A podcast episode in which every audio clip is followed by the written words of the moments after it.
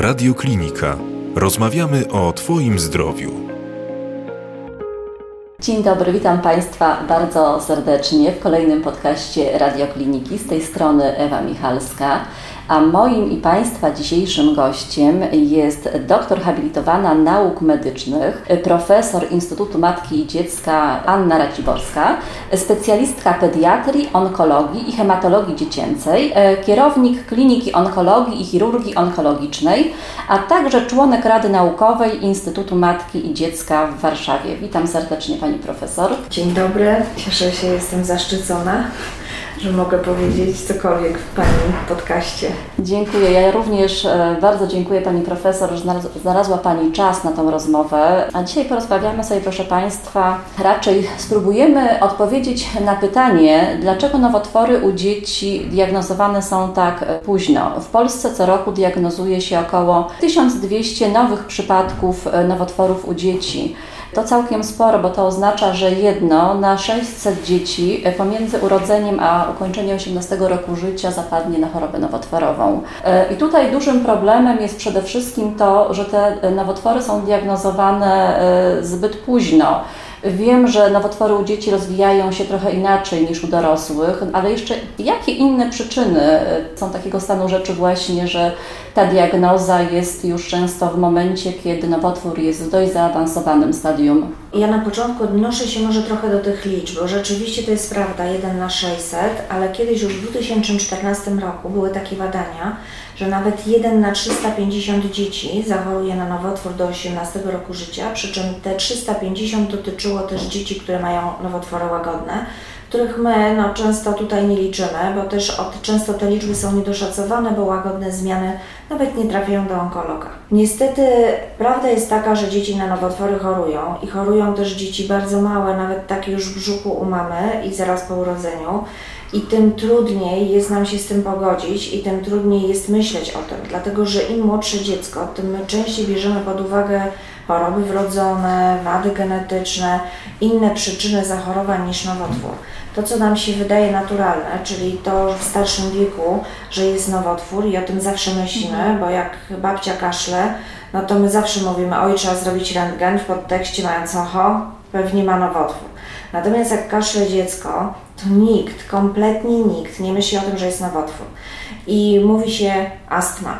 Ja nawet ostatnio, to była moja refleksja z zeszłego tygodnia, kiedy przeglądałam gazetę pediatryczną skierowaną do pediatrów, która dotyczyła w ogóle zupełnie innych tematów i dotyczyła innymi przyczyn kaszlu, przyczyn zaparć. Nigdzie w tabelce nie było wymienionego nowotworu. Po prostu nigdzie. I to oznacza, że naprawdę my, nawet jako lekarze, jakby nie identyfikujemy się z tym, mhm. że przyczyną przedłużających się dolegliwości może być nowotwór. No powiem szczerze, ja wtedy się trochę wstrząsnęłam, dlatego że uważam, że niestety, jeżeli jest uporczywy kaszel, który się nie poddaje leczeniu, jeżeli są zaparcia, które się nie poddają leczeniu, to niestety trzeba pomyśleć o tym, że przyczyną może być nowotwór. Ale no mówię, mówię to dlatego, że pytamy się, dlaczego tak jest. No dlatego, że my emocjonalnie się z tym nie godzimy. Tego jest mało, na pewno zdecydowanie mniej niż wszystkich innych mhm. chorób i dlatego nam to nie przychodzi na myśl. A niestety to jest tak, że obecnie coraz częściej skłaniamy się do tego, że nowotwór jest wynikiem zmian zachodzących w komórce na poziomie molekularnym, czyli że to mhm. jest nakładanie się pewnych zmian genetycznych i dziedziczenia predyspozycji zachorowania na nowotwór u dzieci. I to, co chciałabym tu powiedzieć, że nowotwór to nie jest jedna mutacja, czyli nie wystarczy jedna mutacja do tego, żeby mieć nowotwór. I tych mutacji musi wyjść, zajść wiele, żeby finalnie komórka stała się komórką nowotworową.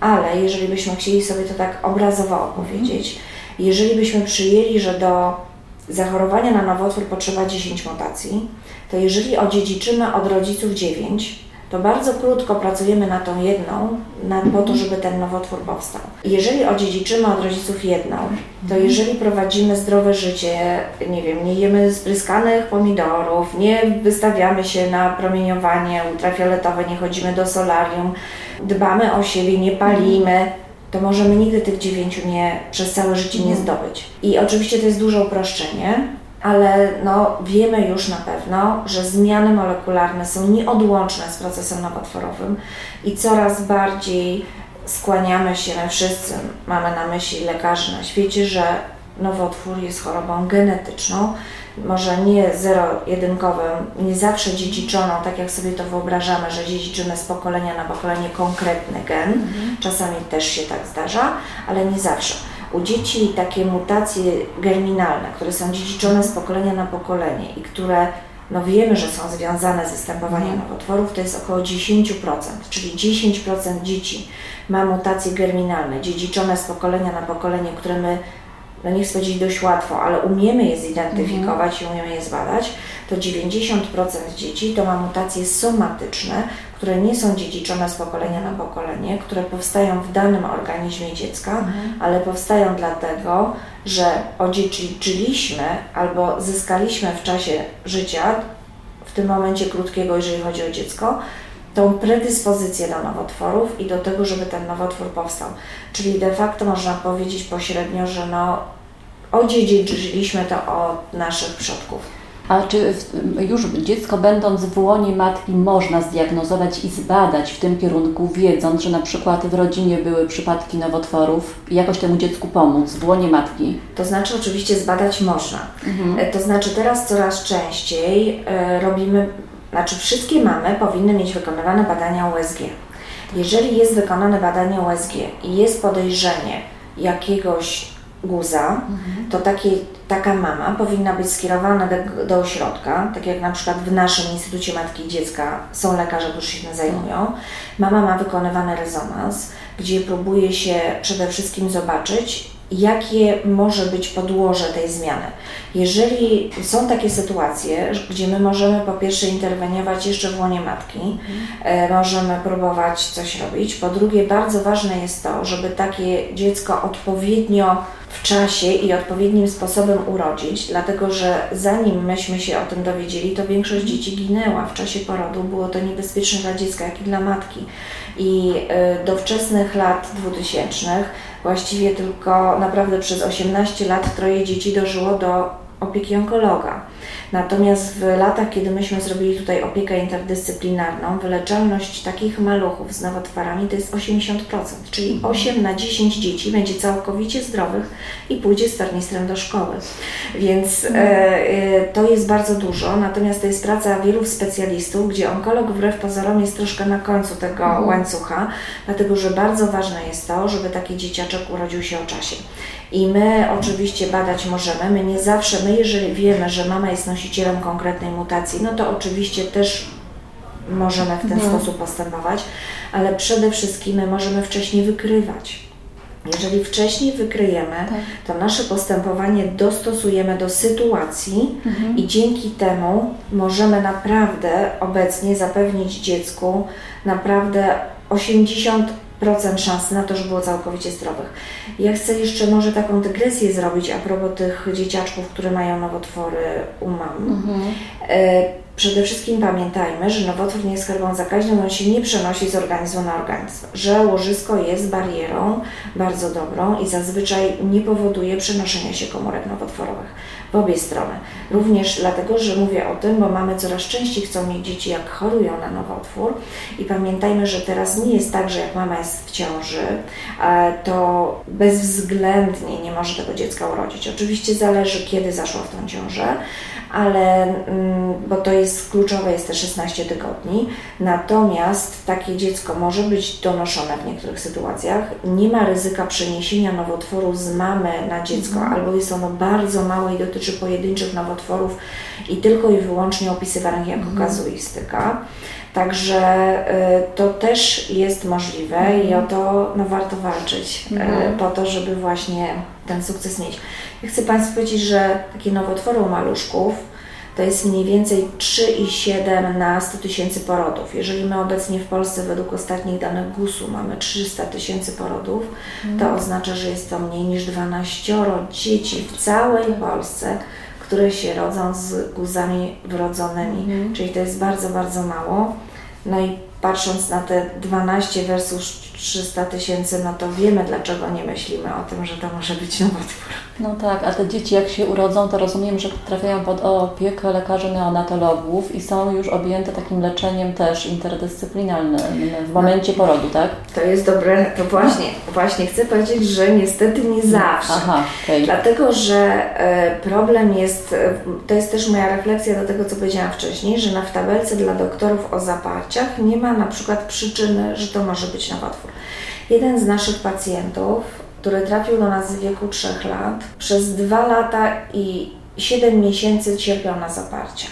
Cierpiał na zaparcia, które były leczone w różny sposób. Nikt nie pomyślał, że to może być nowotwór. Od razu powiem, to był guz wrodzony. On się urodził z guzem zarodkowym w miednicy małej, wychodzącym prawdopodobnie z okolicy kości guzicznej albo z dolnego odcinka mhm. kości krzyżowej, który jeżeli jest mały, to kompletnie nie daje objawów. Został wypisany do domu, ten guz mhm. się zaczął rozwijać, zaczął dawać objawy, tak. o których nikt nie pomyślał, że trzeba pomyśleć o nowotworze. Jak do nas trafił, był już w ogóle rozsiany, nie było szans.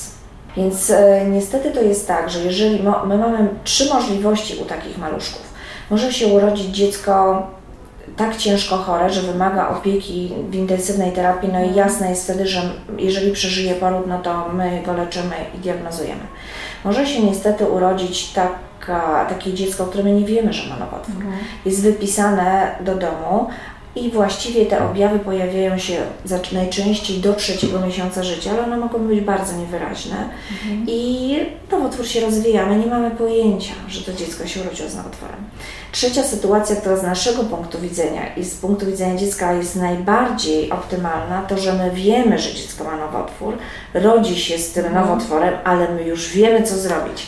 I to jest sytuacja, do której chcielibyśmy zawsze dążyć, czyli mhm. do tego, żeby wiedzieć, bo jak wiemy, to mamy szansę tak. coś zrobić i mamy szansę na to, żeby te dzieci były całkowicie zdrowe. Czyli wtedy podejmujecie interwencję natychmiast? Wtedy e, podejmujemy może decyzję natychmiast, mhm. dlatego że to wszystko zależy od tego, gdzie jest guz, jaki jest i czy wymaga natychmiast mhm. postępowania, czy można chwilkę poczekać, czy można chwilkę poobserwować, bo są też takie zmiany nowotworowe, które można przez chwilę obserwować, ale o tym decyduje zawsze lekarz, no nie pacjent. No tak, ale macie pod kontrolą przede wszystkim. Tak, możemy robić badania, możemy tak. sprawdzać, czy zmiana się cofa, tak. czy zmiana rośnie, czy trzeba już operować dziecko, czy to jest zagrożenie dla życia i ta jakby wiedza jest mhm. najważniejsza. Dlatego ja zawsze to mówię, jak no, z kimkolwiek rozmawiam albo jak daję wykłady, że jeżeli postawiamy rozpoznanie jako lekarz, no bo nie ma osoby, która zawsze wszystko dobrze rozpoznała. Nawet będąc najlepszym lekarzem, no nie zawsze można postawić dobrze mhm. rozpoznanie. Ale i jeżeli stawiamy rozpoznanie, dajemy jeden lek, on nie działa. Dajemy drugi lek, on nie działa to nie wyciągnijmy farmindeksu i nie dawajmy wszystkiego, co jest, mhm. tylko spróbujmy pomyśleć, czy my nie powinniśmy zweryfikować diagnozy, czyli albo dorobić jakichś badań, nie wiem, USG, rentgena, badań krwi, tak? Czy nie trzeba na przykład w przypadku tego pacjenta zbadać perrektum, tak? Mhm. Mówimy o tym maluszku naszym. Wystarczyło może zbadać perrektum, wystarczyło mhm. zrobić USG brzucha i zanim odeślemy tą mamę z powiedzeniem, że ona jest nadwrażliwa i że powinna się leczyć, to sprawdźmy, czy na pewno oby ona nie ma racji. I niestety mówię o tym dlatego, że tak średnio raz na pół roku mamy takiego pacjenta, gdzie mama była posądzana o nie w pełni, może e, nadopiekuńczość, a się okazywało, że ta nadopiekuńczość miała jakieś podstawy. I tu wracając do naszego tematu, właśnie no nie myślimy o tym, bo rzeczywiście gro zaparć u dzieci to nie jest nowotwór. To są zaparcia czynnościowe, to są różnego rodzaju przyczyny, kompletnie niezwiązane z nowotworem. Ale w tej naszej tabelce nawet nie było drobnym drukiem pomyśl, że to może być nowotwór. No Więc e, mówimy o tym, że jeżeli coś się nie leczy i nie leczy się zmieniając, nie wiem, trzecią maść, trzeci antybiotyk, dokładając dietę. I tak, też jest, i też jest bez problem. efektu. Mhm. Jeżeli po prostu to nie ustępuje, to pomyślmy, żeby zmodyfikować diagnozę. To nie zawsze musi nam wyjść mhm. oczywiście nowotwór, to może wyjść zupełnie inne rozpoznanie. Ale takim objawem, który też należy zapalić gdzieś czerwoną ramkę, są nawracające infekcje, które się nie poddają leczeniu antybiotykiem mhm. i często posiewy są ujemne. I na przykład mamy nawracający wyciek z ucha to może być przyczyną, może być histiocytoza albo sarkoma u dzieci. Nawracające infekcje dróg moczowych. Zanim damy siódmy antybiotyk, zróbmy USG brzucha, zobaczmy, czy coś się nie dzieje. To samo dotyczy takiej rzeczy, którą się każdy z nas spotka, czyli z powiększonymi węzłami chłonnymi. Jeżeli powiększa się jeden węzeł, tak.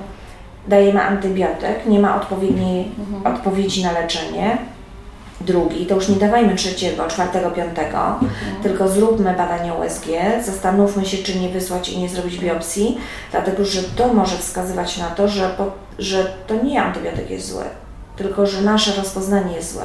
Jeżeli postawimy złe mhm. rozpoznanie, to nie włączymy dobrego leczenia, no i szanse na wyleczenie zdecydowanie spadają. Mhm. Ale to samo rzecz się ma na przykład z bólami wzrostowymi u dzieci kiedy no też rodzice sobie tłumaczą trochę, bojąc się może, co może być innego poza tym bólem i mogą bagatelizować.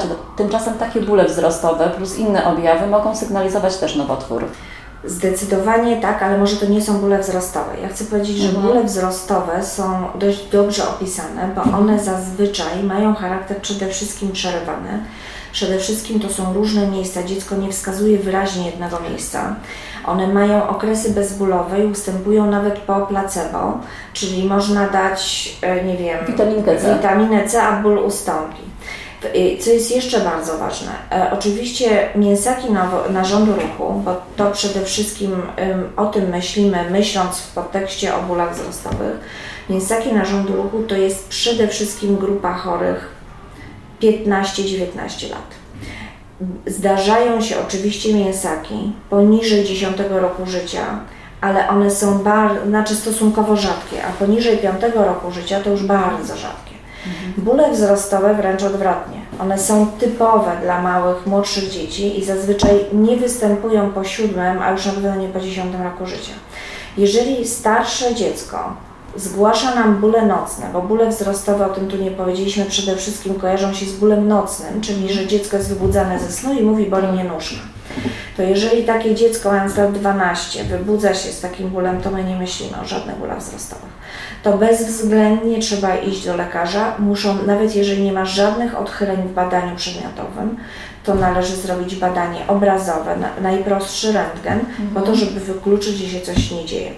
I jeszcze powiem to, że na przykład na, ja jestem zwolennikiem centralizacji leczenia chorób rzadkich. Niestety uważam, że jak ktoś ma jeden przypadek rocznie, to będzie pracował 25 lat na to, żeby mieć jakiekolwiek doświadczenie. I że zgodnie z zaleceniami Krajowego Konsultanta Chirurgii Onkologicznej mięsaki w ogóle powinny być leczone w ośrodku, gdzie jest minimum 25 chorych na mięsaki rocznie. To już pomijam to, że na tym zdjęciu jeden lekarz może coś zobaczyć, drugi nie ale również może być tak, że żaden z tych lekarzy nic nie zobaczy. Mhm. Jeżeli dolegliwości nie ustępują, to należy takie zdjęcie powtórzyć. Mhm. Dlatego, że niestety zdarza, po pierwsze trzeba pamiętać, że badania obrazowe mają swoją czułość, i nie przeskoczymy tego. Mamy pewien, pewną czułość metody i ona wykrywa tylko zmiany, jeżeli one będą odpowiednio duże. Mhm. Więc jeżeli niestety będą takie malutkie, że nie wykrywamy, to możemy nawet, nie wiem, będzie 17 osób oglądało, to my tego nie zobaczymy trzeba takie badanie powtórzyć. I po zrobienie drugiego badania nie jest ani błędem, ani nie wiemy, nierzetelna, to jest właściwie rzetelnością lekarza, mhm. który zleca takie badanie, jeżeli te badania, jeżeli takie objawy nie ustępują. I o tym trzeba pamiętać, że nawet jeżeli zrobimy raz tak. i nie ma zdjęć, nic nie wyjdzie, ale objawy nie ustępują mimo wdrożonej jakiejś tam postępowania, mhm. to trzeba zdecydowanie powtórzyć zdjęcie. I to, czego nigdy nie wolno robić, to jeżeli mamy dziecko, które ma dolegliwości w nocy bólowe mhm. i nie wolno stosować rehabilitacji bez diagnostyki. Po prostu nie wolno, rehabilitacja nie leczy nowotworów i niestety mamy raz na kwartał takiego pacjenta, który jest rehabilitowany, ale się okazuje, że niestety to jest nowotwór, bo trafia z rozsianiem choroby. Mhm. Więc zanim będziemy stosować rehabilitację, która na pewno pomaga, w to wierzę, natomiast na pewno trzeba najpierw wykonać diagnostykę, wykluczyć nasze choroby i wtedy dopiero zacząć rehabilitację. Czy w momencie, kiedy badanie obrazowe jeszcze nam niczego nie pokazuje, może pokazać jakieś już zmiany, na przykład nawet prosta morfologia lub inne badania krwi? No tutaj powiem tak, mamy, mięsaki to jest duży worek, mhm. a nowotwory jeszcze większy wór. Morfologia, nieprawidłowa morfologia wskazuje na chorobę układu krwiotwórczego. Właściwie, y, jeżeli my mamy chorobę w krwi, a jest to mięsak, to mhm. znaczy, że ta choroba już jest tak zaawansowana, że myśmy już przeoczyli mnóstwo objawów, które powinniśmy zauważyć.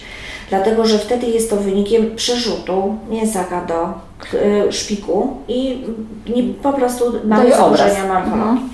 Natomiast jeżeli my mówimy o innych nowotworach i nowotworach układu hematologicznego, no to zdecydowanie morfologia pokaże nam, że coś się dzieje złego. Przede wszystkim myślimy o tym, jeżeli mamy zaburzoną, tak fachowo mówiąc, więcej niż jedną linię komórkową, bo jeżeli mamy na przykład tylko małopłytkowość, no to bardzo prawdopodobne, że jest to w ogóle niezwiązane z nowotworem, tylko jest to małopłytkowość, która mnie na przykład może powstawać w odpowiedzi na infekcję wirusową, no albo na in, zupełnie innych przyczyn. Natomiast czy tak samo, jeżeli mamy izolowaną neutropenię czy leukopenię, to może, ale nie musi nam wskazywać na to, że się coś dzieje. Czy najczęściej u dzieci, kiedy mamy niedokrwistość i nie jest to przyczyną zmian nowotworowych, taki niedobór w jednej linii, tylko tak. jest to przyczyną, no, jak na przykład niedoboru żelaza, co się najczęściej zdarza u dzieci, tak? Mhm. Natomiast jeżeli już mamy dwie linie, czyli na przykład mamy leukopenię z niedokrwistością albo niedokrwistość z małopłytkowością, to zdecydowanie musimy już o tym pomyśleć, że to może być nowotwór.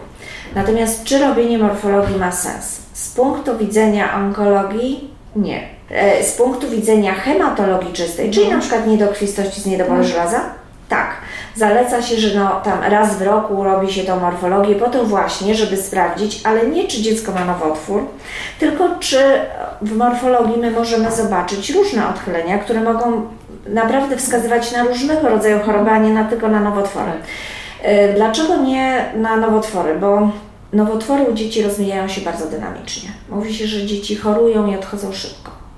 W związku z powyższym zrobienie morfologii raz na rok nie wyklucza, że dziecko będzie miało nowotwór za miesiąc. I niestety są nowotwory, y, gdzie były przeprowadzone duże badania populacyjne, że tak zwane badania przesiewowe mhm.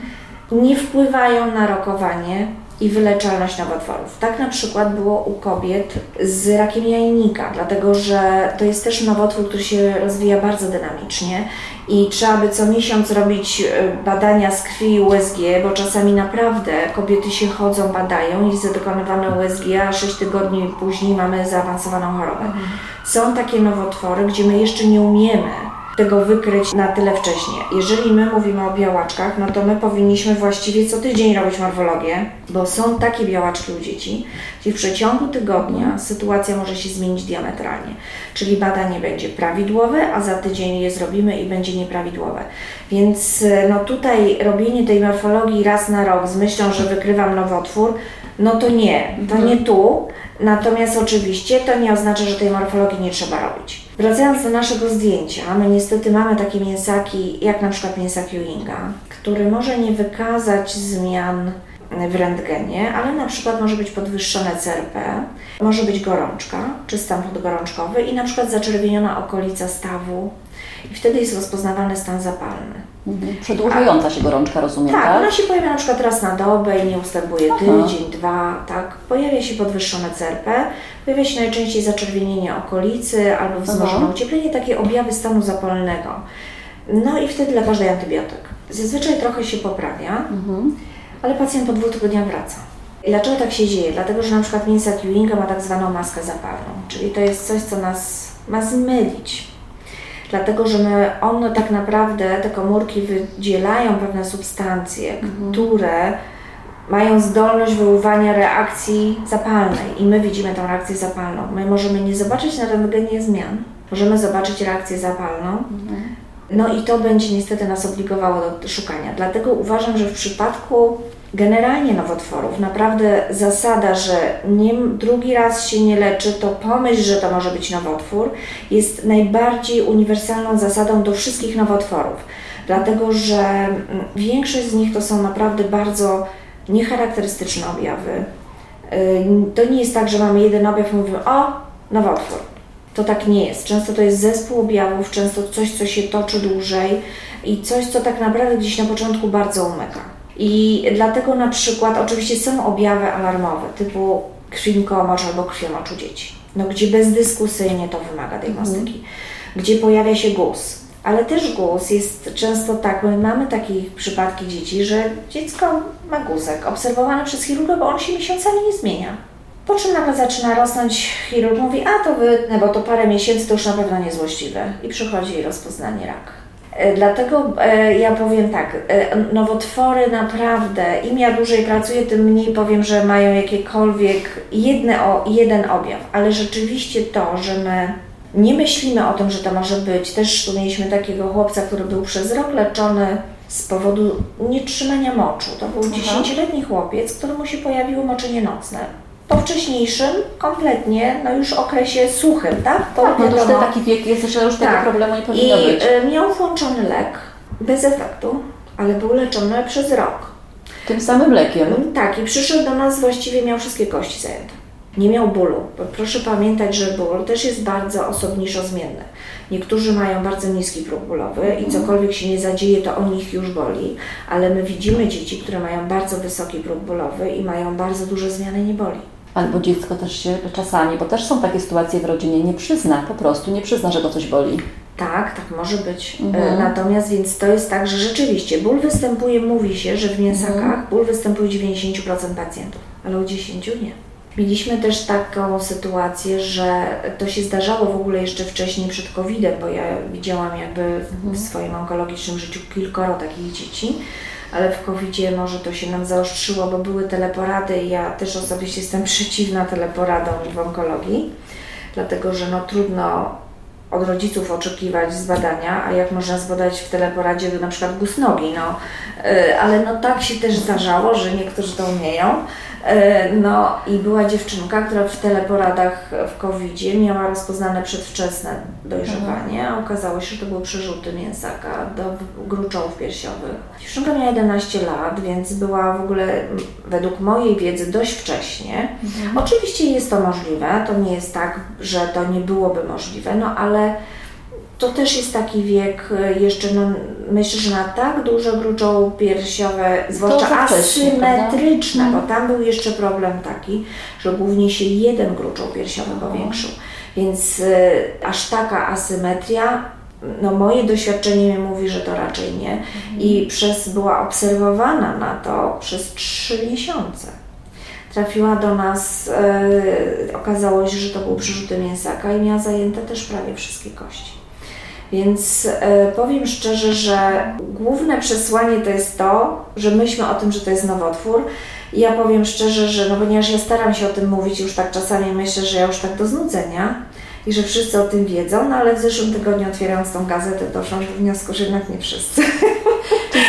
Trzeba że, że jednak czasami bym apelowała, żeby w tej tabelce gdzieś drobnym drukiem umieścić wyklucz chorobę nowotworową. To też jest możliwe. E, to też jest możliwe.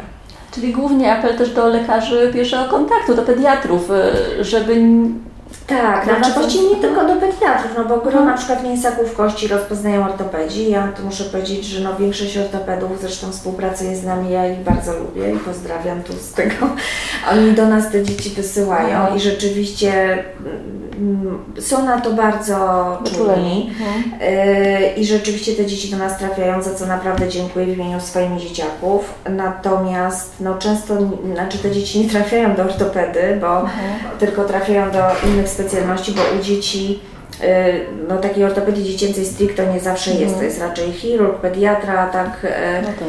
także dlatego to taka ta ścieżka czasami bywa kręta, y, więc globalnie no mówię, myślmy o tym, że to może być nowotwór nawet u takich maluchów. No tak, i też rodzice, tak, którzy gdzieś tam już, których niepokoi to, że leczenie nie przynosi efektów, że coś się dzieje, a lekarz nie do końca kieruje małego pacjenta dalej, też warto, żeby ten rodzic jednak odwiedził może lekarza onkologa. Znaczy, ja myślę, że przede wszystkim poprosił też pediatrę o to, żeby dobadał. Mhm. Dlatego, że w onkologii dziecięcej, no tak jak my się specjalizujemy w, to się tak fachowo nazywa, w guzach litych z lokalizacją poza środkowym układem nerwowym, mhm. czyli tam guzy nerek, nogi, języka, ucha, tak? tak. I histiocytozach, no to y, niektóre ośrodki mają specjalizację, że na przykład się zajmują głównie onkohematologią, czyli nowotworami krwi, czy onkoneurologią, czyli mhm. guzami środkowego układu nerwowego. Warto, żeby ten pediatra zrobił podstawowe badanie. Ja mówię, to jest naprawdę kolejny raz. Nie działa jeden lek, nie działa drugi. Pomyśl o tym, żeby rozszerzyć diagnostykę.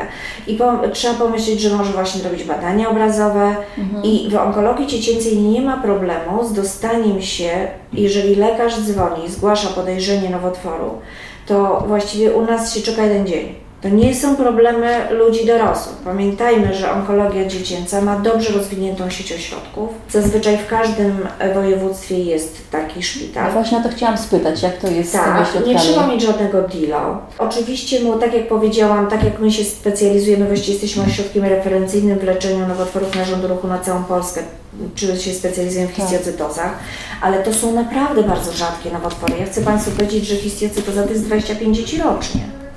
Białaczek 300 z haczykiem. Więc wiele ośrodków leczy dzieci z tymi najczęstszymi nowotworami. Dostanie się do onkologa w Polsce u dzieci naprawdę nie ma problemu. Nie trzeba mieć DILO, nie czeka się tygodniami, mhm. w ogóle nie e, to nie, my nie jesteśmy problemem ludzi dorosłych. No, u ludzi dorosłych mamy 160 tysięcy, albo nawet już teraz więcej nowotworów tak, to nowych rocznie. Jest, tak. tak, w ogóle w 2030 roku mówi się, że to będzie 200 tysięcy zachorowań rocznie, więc zupełnie jest inny problem u osób dorosłych. No Także też, u dzieci też nie ma lekarzy nie tyle, tak? Nie ma lekarzy, społeczeństwo się starzeje, u dzieci... Yy... Znaczy ja przede wszystkim też myślę, że po pierwsze tak, społeczeństwo się starzeje. My mamy teraz też, pamiętajmy, bo to też jest u dorosłych, my coraz częściej leczymy wbrew pozorom bardzo nowocześnie. Mhm. Tak, dajemy leki nowej generacji. To też nie jest dostępne w każdym ośrodku. Na przykład w naszym ośrodku teraz my prowadzimy immunoterapię w mięsa Junga. To jest jedna z pierwszych immunoterapii na świecie. Więc trudno mhm. w ogóle, żeby to wszystkie, wszystkie ośrodki robiły. Więc jeżeli my mamy tych dzieci 25, tak. to to jest realne. Ale jeżeli my na przykład mówimy o kilkunastu tysiącach pacjentek z rakiem piersi, no to nie jest realne, żeby jedno mie tak, tak. miejsce to robiło. To jest dość złożony problem, tak? Także ja może też nie chcę tu wchodzić w tę onkologię dla dorosłych, mhm. ale u dzieciaków to naprawdę nie jest problem. Każdy myślę, że jeżeli jest naprawdę podejrzenie choroby nowotworowej, to trafia do tego doktora. I myślę, że pierwszym ruchem to jest naprawdę lekarz POZ-u, tak. który powinien zlecić pierwsze badania i jeżeli jest cień podejrzenia, to nie ma żadnego problemu, żeby to dziecko do takiego onkologa skierować. I tak jak mówię, do nas też dzwonią lekarze i czas oczekiwania jest 1-2 dni. No chyba, że jest to, lekarz nam mówi, nie, to chyba jednak nie jest to, ale chciałbym tutaj y, zasięgnąć opinii, no to w przeciągu dwóch tygodni pacjent ma umówioną tą wizytę, więc myślę, że to jest naprawdę nie, no bardzo, bardzo akceptowalny tak. termin. Tak. Także myślę, że jeżeli chodzi o to, to ta opieka onkologiczna dla dzieciaków mhm. w Polsce jest bardzo dobrze zorganizowana. Czyli na tle innych państw y, wypada to bardzo... Moim zdaniem hmm. tak, aczkolwiek niestety Polska ma najmniejszą liczbę onkologów dziecięcych na milion tam mieszkańców. No nie jest to specjalizacja, którą się wybiera y, tak po prostu. No jest to trudna specjalizacja. To jest trudne patrzeć, jeżeli się coś nie uda, bo ja mhm. zawsze uważam, że to wcale nie jest najtrudniejsze, jak pacjent do nas przychodzi i my stwierdzamy guz dlatego że wtedy my mówimy, nie, no proszę się nie martwić, głowa w górę. Mamy po pierwsze teraz 80% szans na to, że dziecko będzie zdrowe. Znaczy oczywiście zakładam, że to jest dziecko bez przerzutów. Mhm. Mamy bardzo dużo możliwości, taka chemia, taka chemia, zabieg, głowa w górę. Mhm. Najcięższa sytuacja jest wtedy, kiedy ja już nic nie mam i muszę powiedzieć rodzicom, że to już jest koniec i to jest dla nas bardzo trudne. E, myślę, że coraz trudniejsze z racji tego, że my naprawdę bardzo dużo dzieci leczymy. Oczywiście bardzo dużym kosztem. Myślę też nie tylko o finansach, ja myślę też o takim koszcie bycia w szpitalu. Mhm. I, e, natomiast jak się nam nie udaje, to coraz częściej ludzie mają na nas pretensje. Mhm. Mówię o całym środowisku medycznym, nie chcę tego w żaden sposób odnosić do siebie tylko, że jak nam się nie udało, to jest nasza wina. cały czas zapominamy, że to jest nowotwór. I my walczymy i my jeszcze nie umiemy go całkowicie wyleczyć. I niestety mimo, jak ja zaczynałam w ogóle onkologię, czyli to nie było tak dawno, e, bo to było 25 lat temu, to dzieci z mięsakiem, mięsak junika był uważane za jedną z najbardziej złośliwych nowotworów. 40% dzieci przeżywało i to były tylko dzieci, które miały zlokalizowaną chorobę. Obecnie przeżywa 80%. W ciągu 25 lat myśmy zyskali 100%. Więc to, to jest, ale dalej mamy te 20. I jeżeli nawet odchodzi nam jedno dziecko miesięcznie, to dalej to jest dramat, to jest jedno dziecko. I mimo, że to jest mało, no bo to tak. mówimy no tylko 12 rocznie, w ogóle taka, kiedyś rozmawiałam, to był też przypadek, że hospicja dla dzieci były tworzone dla dzieci nowotworowe. Profesor Dangel, który tu zaczynał w ogóle w instytucie, a ja miałam przyjemność bycia tam wolontariuszem, to te hospicja tworzył dla dzieci onkologicznych. A teraz e, tych dzieci onkologicznych jest w tych hospicjach najmniej, mimo że umiera paradoksalnie najwięcej, dlatego mhm. że my Natomiast, no to dobrze, to się, to się właśnie zmieniło i tak. to jest super. Natomiast, no, no nie zawsze się udaje. I niestety często, znaczy może nie często, ale w przypadku mięsaków to jest to okupione też czasami pewną dysfunkcją, czasami mhm. ruchową, w zależności od guza, tak? Nie zawsze można uzyskać idealną sprawność. Mhm. Nie zawsze dziecko, nawet jak jest sprawne dla nas, to nie może na przykład uprawiać sportu zawodowego. Czasami musi zmienić marzenia dotyczące zawodu, mhm. ale również e, no jeżeli mamy lokalizację w ośrodkowym układzie nerwowym jakiegoś guza, no to może się okazać, że dziecko też nie będzie zupełnie po tym leczeniu mhm. sprawne intelektualnie i mimo, że ono będzie zdrowe, no nie zawsze będzie to takie idealne dziecko, jakie byśmy sobie wymarzyli, albo jakie było przed chorobą. Ale tak? będzie żyło. Tak. Mhm. I powiem, że tak, i to jest dla nas zawsze priorytet. Mhm. Ale to jest też moja obserwacja, że jak zaczynamy leczenie, rodzice walczą o życie. Ale jak już widzą, że tu się udaje, to chcą więcej.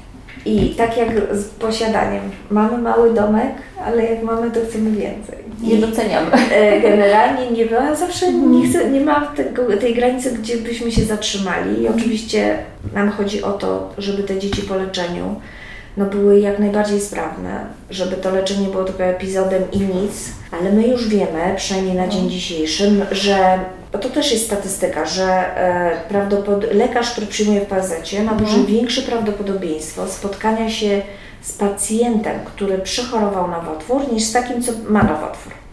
Albo że e, diagnozą, czy dużo mhm. częściej. Dlaczego? Bo my coraz więcej dzieci leczymy i te dzieci trafiają pod opiekę POZ-u. I my już wiemy, że po dwie trzecie tych dzieci rozwinie jakieś powikłania po leczeniu. Właśnie o to chciałam spytać, czy to są powikłania po leczeniu zastosowanym, czy są powikłania stricte wynikające... Jedna i drugie. Jedna i drugie. Niestety jedna mhm. i drugie. Leczenie onkologiczne, czyli przeciwnowotworowe, jest leczeniem toksycznym. My wiemy, że po 30 latach 30, mhm. szansa na drugi nowotwór jest 30 razy większa niż w populacji. E, my wiemy, że pacjenci, którzy dostają antracykliny, te antracykliny trwale budowują się w mięsiówkę serca, one się nie wypłuczą. Mhm. Więc na pewno mogą pojawić się zaburzenia kardiologiczne. My to obserwowaliśmy jak tu. To jest Instytut Matki Dziecka i Klinika Onkologii jest najstarszą kliniką w Polsce. I myśmy przez lata w ogóle nie widzieli tego problemu kardiologicznego. Znaczy, po pierwsze, zdecydowanie no, teraz dużo dzieci przeżywa, ale również nie było, był jeden pacjent, który rzeczywiście miał tam po leczeniu czerniaka, miał powód. W trakcie COVID-u nagle się okazało, że te dzieci mają problem, że pojawiają się niewydolności mięśnia serca. Na ile to jest COVID plus chemioterapia, na ile sama chemioterapia, ja wiem, że, że no, takie rzeczy mogą się pojawić u osób zdrowych, mhm. ale zaczynamy to widzieć. Widzimy też przez wiele lat były pojedyncze niewydolności nerek wymagające dializ, teraz to się pojawia. Zaczynamy jakby wiedzieć i widzieć, że pacjent może wymagać np. przeszczepu nerki po 10-20 latach od zakończenia leczenia. Mhm. I niestety dwie trzecie pacjentów będzie miało problem. I może to być wynikiem stosowanych leków, ale pamiętajmy, że gdybyśmy ich nie stosowali, to byśmy nie mieli 20 lat później. I to jest niestety coś, z czym się też trudno rodzicom pogodzić. I to nie jest no, oczywiście tylko płodność, bo to też jest ważne i my jednak teraz staramy się zabezpieczać tą płodność i mówić rodzicom, jakie mamy możliwości, ale pamiętajmy, że to są takie problemy dotykające no właśnie funkcji nerki, funkcji serca, wzrostu, tak, jakieś e, odwapnienia. Mhm. Są rzeczy, które my możemy zapobiec, tak, dając, będąc w obserwacji, dając no, leki, tak, prawda, mhm. będąc pod opieką specjalistów. Pani profesor, wiedząc e, o tych odległych powikłaniach, e, rozumiem, że na etapie już leczenia możecie jakoś zapobiegać pewnym e, powikłaniom, ale czy taki pacjent, wychodząc z instytutu, później osiągając pełnoletność, jest pod specjalną opieką już później konkretnego specjalisty czy specjalistów, wiedząc, że te powikłania mogą się pojawić? No to właściwie Zależy. To znaczy dziecko, które kończy leczenie onkologiczne ma taki plan kontroli. Te plany kontroli najczęściej jest 5 do 10 lat po zakończeniu leczenia. Mhm. I właściwie jeżeli się nic nie dzieje w tej poradni onkologicznej, bo jeżeli w tym czasie się coś zadzieje, mhm. to dostaje skierowanie no, konkretnie do jakiegoś specjalisty, dlatego że kontrola onkologiczna to nie jest tylko kontrola miejsca nowotworu. To jest jeszcze kontrola e, innych narządów i układów, mhm. które mogły zostać uszkodzone w trakcie leczenia. Czyli bada się na takich kontrolach funkcje nerki, na przykład robi się okresowe EKG echo. Jeżeli tak. cokolwiek mhm. jest nie tak, kieruje się pacjenta do specjalisty. Mhm. Ale problem jest, co się dzieje, jak to dziecko skończy 25 lat, akurat w przypadku naszej kliniki, bo to jest taki deadline, kiedy my przekazujemy do dorosłych i jest już wiele lat po zakończeniu leczenia. Dlatego, że wtedy taki pacjent jest w opiece POZ-u. I tak naprawdę to lekarz POZ-u powinien go kierować raz na jakiś czas, nie wiem, robić mu na przykład badanie moczu, mhm. żeby zobaczyć, czy się nie pojawia białko w moczu tak? Raz na jakiś czas tak. badania, e, no i to różnie bywa chyba, tak myślę. Poza tym ja powiem tak, że młodzi ludzie często uważają, że życie jest ich i są zdrowi. E, tak, i, i czasami jest to trudne. I e, to jest też bardzo skomplikowana ta kontrola, dlatego że były takie badania amerykańskie robione, że jak to było wiele lat po leczeniu, mhm. naprawdę wiele, to żadne badania nie miały większej czułości wykrywania nowotworów niż diagnoza pacjenta czy rodziny. Dlatego, że im jesteśmy dalej od rozpoznania, tym prawdopodobieństwo wystąpienia w tym samym miejscu nowotworu zdecydowanie spada. Więc jest pytanie, jaki jest sens, jeżeli był nowotwór na przykład w nodze, jaki jest sens kontrolować nogę, skoro tak naprawdę po 10 latach prawdopodobieństwo wystąpienia nowotworu w nodze jest prawie zero, ale za to w innych miejscach i to jest mhm. bardzo trudne pytanie. E, tutaj nie ma jeszcze odpowiedzi, zwłaszcza, że nie ma jednoznacznych, prospektywnych badań mówiących nam, jak ta obserwacja powinna wyglądać, dlatego że nasze dane dotyczące kontroli pacjenta dotyczą zazwyczaj danych z badań retrospektywnych, mhm. czyli z analizy tego, co się zadarzyło, a największą siłę w medycynie taką przekonywania, taką mhm. dowodową mają badania prospektywne, mhm. które nam no, są w medycynie stosowane i one są jakby podstawą tego, że medycyna idzie naprzód. Mhm. I w przypadku obserwacji, no te prospektywne badania na razie to są, że tak powiem, no, y, na etapie chyba dyskusji, no bo y, to by trzeba było powiedzieć, dobrze, to pan się kontroluje co rok, a pan to co dwa i zobaczymy, u kogo szybciej będzie rak, tak? No więc to y, trochę to jest takie, y, no dla mnie trudne, żeby to było zupełnie czyste etycznie, tak? Mhm. Bo, to jest, e, bo to jest ważne. Więc ta nasza wiedza głównie pochodzi z badań retrospektywnych i niestety tutaj to już pacjent, który od nas wychodzi, pacjent w ogóle jak się zaczyna leczyć, dostaje taki informator u nas i tam jest napisane, jakie narządy mogą być uszkodzone u niego. I myślę, że generalnie ten pacjent powinien tak troszkę potem myśleć, po prostu samodzielnie, tak, co i powinien. spytać się nawet, mhm. mówię dalej tego lekarza POZ-u, bo ja naprawdę nie uważam, że się trzeba to robić prywatnie. Powiedzieć, panie doktorze, miałem tutaj takie leczenie, takie tu mogą być powikłania, czy możemy na przykład, nie wiem, raz na rok robić badanie moczu. No tak, albo zlecić echo serca przykładowo. Na przykład raz na dwa lata tak. już potem. Nie jest to jakby uważam jakieś badanie, mhm. które jest nieosiągalne, tak? Jasne. Dlatego, że pamiętajmy, że grona i tych powikłań to takich to naprawdę dotyczą nerek, serduszka, mhm. e, tak, jakiegoś e, hormonalnego układu, mhm. tak? E, I wtedy to jest te badania właśnie krwi, takie proste badania dość łatwo mhm. mogą nam to wykryć. Pani profesor, a jak jest w ogóle w Polsce z badaniami klinicznymi w przypadku onkologii dziecięcej? No teraz to jest cudownie.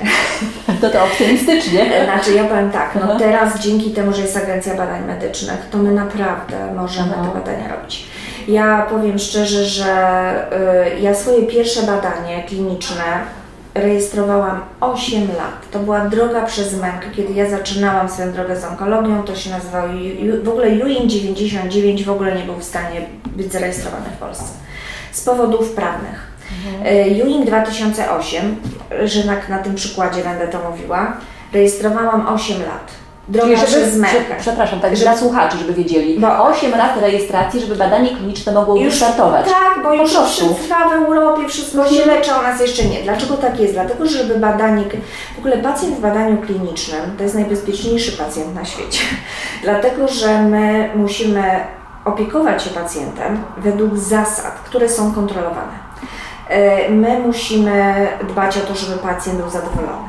My musimy sprawdzać bardzo wiele rzeczy, których normalnie nie sprawdzamy, po to, żeby właśnie wykryć potencjalne szkody, które może dana substancja, dany środek, który badamy, zrobić. Więc ten pacjent jest bardziej przebadywany, ma zazwyczaj dużo lepszy dostęp do lekarza, bo dostaje telefon, bo jakby się coś działo, to on ma obowiązek zadzwonić. Zresztą są koordynatorzy, którzy też czuwają na Ależ tym pacjentem. oczywiście i każda no. zmiana musi być zgłoszona i rozpatrzona. I to, to, jeszcze dodam, przez zespół interdyscyplinarny, bo to jest kilku lekarzy. Tak, ależ oczywiście, że tak, więc taki mhm. pacjent w badaniu ma lepiej. Ale żeby to wszystko zrobić, takie badanie, po pierwsze też pacjent w badaniu jest ubezpieczony, mhm. czyli jest ubezpieczony zarówno badacz, no bo my jak robimy badanie, to sama nazwa mówi, że my nie do końca wiemy jaki będzie rezultat, tak? tak? Czyli mamy, pacjent jest ubezpieczony, badacz jest ubezpieczony.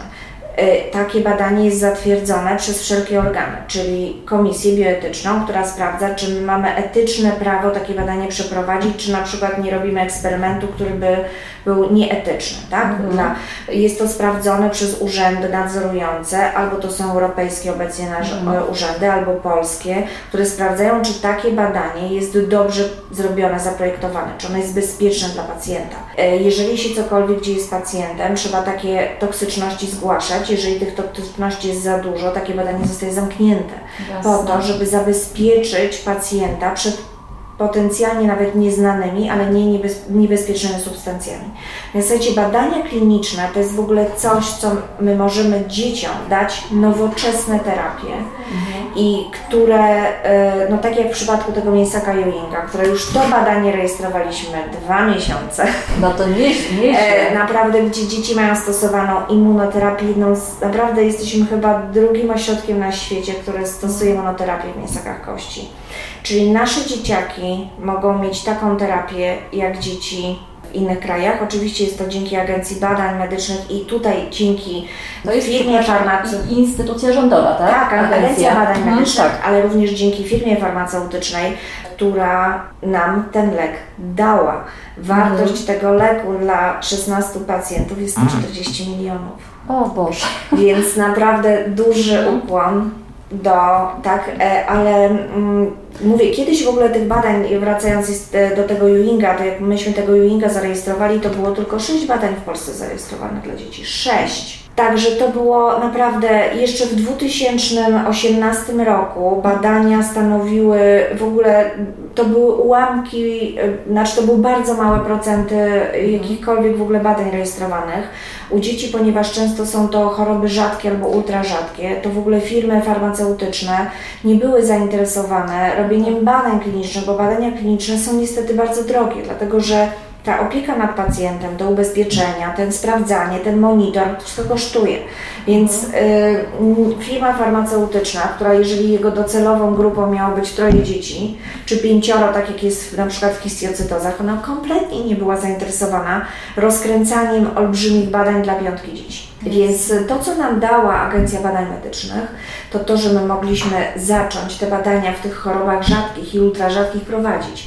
Czyli my nagle się okazało, że my możemy dawać lek, tak jak na przykład w przypadku naszego jednego z badań, e, my mamy pięć badań w ramach Agencji Badań Medycznych. Prowadzonych, przepraszam, w klinice tutaj, tak? Tak, tu w klinice mhm. mamy, to dotyczy dzieci z histiocytozami i dzieci z mięsakami w ogóle kości. Mhm bo nie tylko z Ewingiem, ale i z osteosarkomą. Tak. I w przypadku dzieci z histiocytozą, to my możemy robić w ogóle badania genetyczne, w tym monitorować chorobę resztkową, mhm. co jest unikatowe w Polsce, tak. ale przede wszystkim dawać leczenie, gdzie jest 100% odpowiedzi. Więc e, naprawdę. To jest o co walczyć. Jest o co walczyć. To mhm. jest o co walczyć. W związku z powyższym myślę, że no, w ogóle przede wszystkim badania kliniczne dają nam rzetelną wiedzę na temat danej procedury czy sposobu leczenia. I nie jest to na podstawie tego, że nie wiem, Jasiowi pomogło, takiemu przysłowiowemu Jasiowi, tak. dlatego że to może być przypadek. My tutaj mamy, jest to tak zaprojektowane, że my naprawdę wiemy, że dana procedura pomaga. Jeżeli pomaga, to w jakim mhm. stopniu, mm. jeżeli szkodzi, to dlaczego, jakie są konsekwencje tej procedury, na co trzeba uważać, jeżeli się ją mm. stosuje, jakie właśnie stosować środki, żeby nie było potem powikłań. To wszystko nam dają badania kliniczne. Dają nam rzetelną wiedzę, że my po latach, tak jak w przypadku już tego trzymajmy się tego Mięsaka Ewinga, mm Wie, po 25 latach mojej pracy wiemy, dlaczego teraz jest rokowanie 80%, a nie 40%, bo zmieniliśmy sposób leczenia, zmieniliśmy intensywność leczenia, mhm. dowiedzieliśmy się, że zabieg musi być w odpowiednich momentach tego leczenia. To wszystko miało wpływ na te 40%. Mhm. I to, tą rzetelną wiedzę dają nam badania kliniczne, dlatego że my oczywiście, jak zaczynamy dzieci leczyć, mamy 7 sposobów leczenia, to zawsze zaczynamy, muszą Państwo wiedzieć, od najlepszego. Czyli co to znaczy najlepszy? To znaczy, że w badaniach klinicznych ta metoda dała nam największy procent wyleczenia.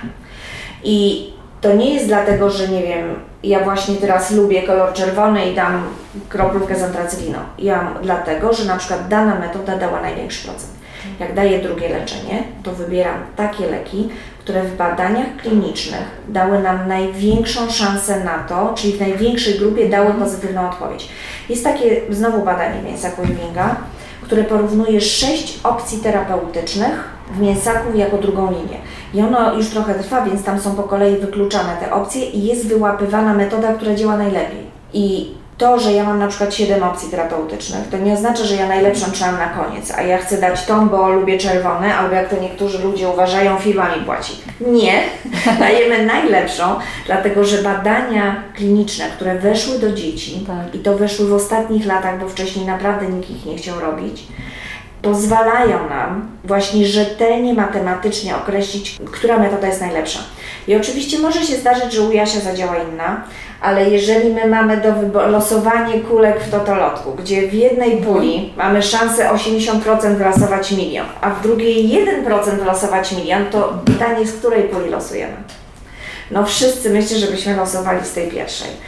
E, tak, więc tutaj to właśnie tak jest, że my e, jakby te badania służą temu, żebyśmy my wiedzieli, jak te dzieci leczyć, bo jak się badanie kończy, to może taki produkt być zarejestrowany, może być refundowany. Na przykład może być taka sytuacja, że państwo podejmie decyzję, o proszę, tu tak świetnie wyszło to badanie, to my teraz na przykład taki lek włączy, włączy, włożymy pro, w, jak w projekt, albo tam na przykład w refundację, tak? Jasne, ale nie jest tak, że dziecko jest leczone danym, w danym badaniu klinicznym i wychodzi z leczenia, bo się badanie kończy i dziecko... Nie, no to zazwyczaj badania u dzieci są tak projektowane, więc nawet ja teraz już czasami będąc e, recenzentem wniosków komisji bioetycznej, to coraz częściej firmy farmaceutyczne u dzieci właśnie robią tak, że jeżeli jest korzyść z leku, bo pamiętajmy jeszcze raz podkreślę, że nie zawsze to wiemy, bo to jest badanie kliniczne, tak.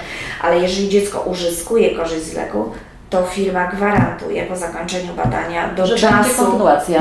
Tak. Właśnie, tak. bo o to chodzi tak, też. Tak, oczywiście. Natomiast zawsze jest pytanie, bo pamiętajmy, że niektóre choroby to się da wyleczyć. Także na przykład, jeżeli ktoś ma mięsaka Ewinga, to w pewnym momencie my kończymy to leczenie. To nie jest tak, że że pacjent się leczy do śmierci, tak, mając 90 lat. To chodzi o to, że w pewnym są takie choroby, gdzie my naprawdę dajemy ten lek przez określoną mm. czas i też są takie badania, takie badania były na przykład przeprowadzone u kobiet z takim piersi, mm. bo tam były sprawdzane, czy lepiej dać chemioterapii 3 czy 6, tak, mm. i im wyszło, że 6. Tak? I tutaj też może być tak czasami, że e, my w histiocytozach, w takim też niekomercyjnym badaniu międzynarodowym, którym też nasza klinika jest jako jedyna w Polsce, badaliśmy, czy warto dzieci leczyć pół roku czy rok. I wyszło bo to są różne typy, no ale akurat wyszło tutaj, że rok. Teraz mhm. jest kolejne badanie, czy to należy wydłużyć do dwóch lat, czy nie. Więc my w rzetelnych badaniach klinicznych wiemy, że na przykład dzieci z daną postacią histiocytozy trzeba leczyć rok, a nie pół, bo pół było za mało. Mhm. Więc to nam dają badania kliniczne. To, że my, no te dzieci, które były tam temu leczone, przyczyniły się do tego, żeby ich następcy nie no niestety następcy, ale żeby nasza wiedza była większa i my, żebyśmy podejmowali lepsze decyzje i te dzieci miały 80% szansa, nie 40%. Mhm, jasne. Także, bo to są badania. A wszystkie te dzieci, które wymagają takiego leczenia, które faktycznie w tych badaniach klinicznych ten lek pomógłby im, one są, mają możliwość zakwalifikowania się do tego. Jakie warunki trzeba spełnić? Znaczy, to zależy tutaj też, nie mogę tego generalizować, Aha. ale w większości badań, jeżeli lek pomaga i nie ma toksyczności nieakceptowalnych tak zwanych, czyli tak. na przykład nie powoduje niewydolności mięśnia serca, tak? Bo pacjent no, bez serca nie da się żyć to zazwyczaj taki lek, jednak teraz te firmy zwracają na to uwagę. My nigdy nie kończymy leczenia u pacjentów bez względu na to, y, no jeżeli ten pacjent odnosi korzyść, aby się okazało, że, że po odstawieniu leku jest no, jakiś dramat, tak? Mhm. No, tylko też trzeba pamiętać, że no, leków też nie można dawać bez sensu, bo czasami u nas to jest inny problem, że my dajemy lek, pacjent jest zdrowy, mhm. ludzie nie chcą odstawić leczenia. Rodzice nie chcą. No nie chcą, bo boją się, że jak odstawią, to wróci. No niestety czasami choroba wraca, czasami nie, ale nie da się stosować leków onkologicznych. Znaczy w ogóle ja nie znam leku, nie jestem też farmaceutą, ale ja nie znam leku, który nie ma toksyczności. Bo nawet jeżeli będziemy stale stosować probiotyk, to możemy się... A to jest inna kwestia, tak? tak. Więc generalnie, mhm. jeżeli my, my nie możemy, e, to zresztą była taka jedna z dyskusji kilka lat temu już teraz, na początku, jak my zaczęliśmy dawać e, e, inhibitory kinaz tyrozynowych, jest taki rodzaj leczenia celowanego u dzieciaków, że ja zadzwoniłam do profesora Utkowskiego, którego bardzo cenię i współpracujemy e, i też go bardzo lubię i a pytam się, jak długo Ty dajesz ten, bo u dorosłych to już ten lek był dawany i w ogóle. A on mówi, no jak to Ania, no do końca życia chorego. Ja mówię, ale zaraz, ale mój pacjent ma rok. A on mówi, ojej, Albo jego pacjent miał 70. Więc perspektywa. perspektywa, została nam ta luka pomiędzy e, jednym a 70 rokiem, tak? Czyli mieliśmy ten drobny kawałek, co zrobić z tym kawałkiem? Więc e, to jest niestety tak, że my oczywiście dowiadujemy się też, tak, że może pół roku za krótko, ale rok może dwa, ale niestety jest taki moment, że ten lek trzeba odstawić, dlatego że narosną nam toksyczności no tak. i taki pacjent nie może żyć z uszkodzoną wątrobą, nerkami. Zresztą tak? to jest rozwijający się organizm też. Yy... No więc dlatego czasami mówię, rodzice nie no. chcą kończyć leczenia, mimo że jest jakaś obawa tego, że będzie no tak. coś gorzej, ale to, że my kończymy to leczenie, to nie oznacza, że nam właśnie przestała firma dawać lek, tylko to oznacza, że my z jakichś powodów medycznych ma, uważamy, że ten lek trzeba przerwać i jeżeli się coś pojawi, no to wtedy trzeba tak. dalej włączyć leczenie. Na przykład już w tych histiocytozach teraz też, jeżeli my odstawiamy leczenie taką inhibitorem kinas, to tak nam mówią w ogóle obecne nasze doświadczenia ogólnoświatowe, że właściwie wszystkie dzieci z powrotem na to leczenie odpowiadają.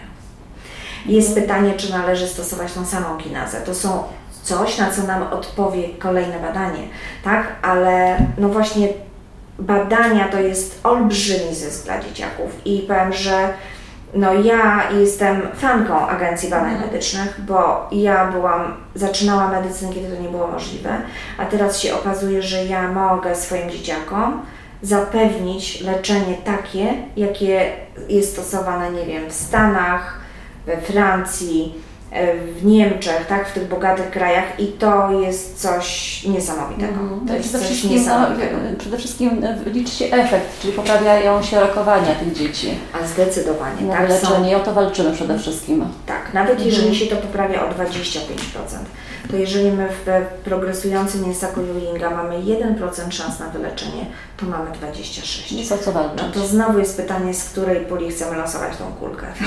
Z tej, co jest jedna, czy z tej, co są, Mm. jest 26. Jasne. Pani profesor, bardzo dziękuję za tą pouczającą rozmowę. Moim i Państwa gościem była doktor habilitowana nauk medycznych, profesor Instytutu Matki i Dziecka Anna Raciborska, specjalistka pediatrii, onkologii i hematologii dziecięcej. Bardzo serdecznie dziękuję. Bardzo Państwu dziękuję. Do usłyszenia. Więcej audycji na stronie radioklinika.pl i w naszej aplikacji mobilnej.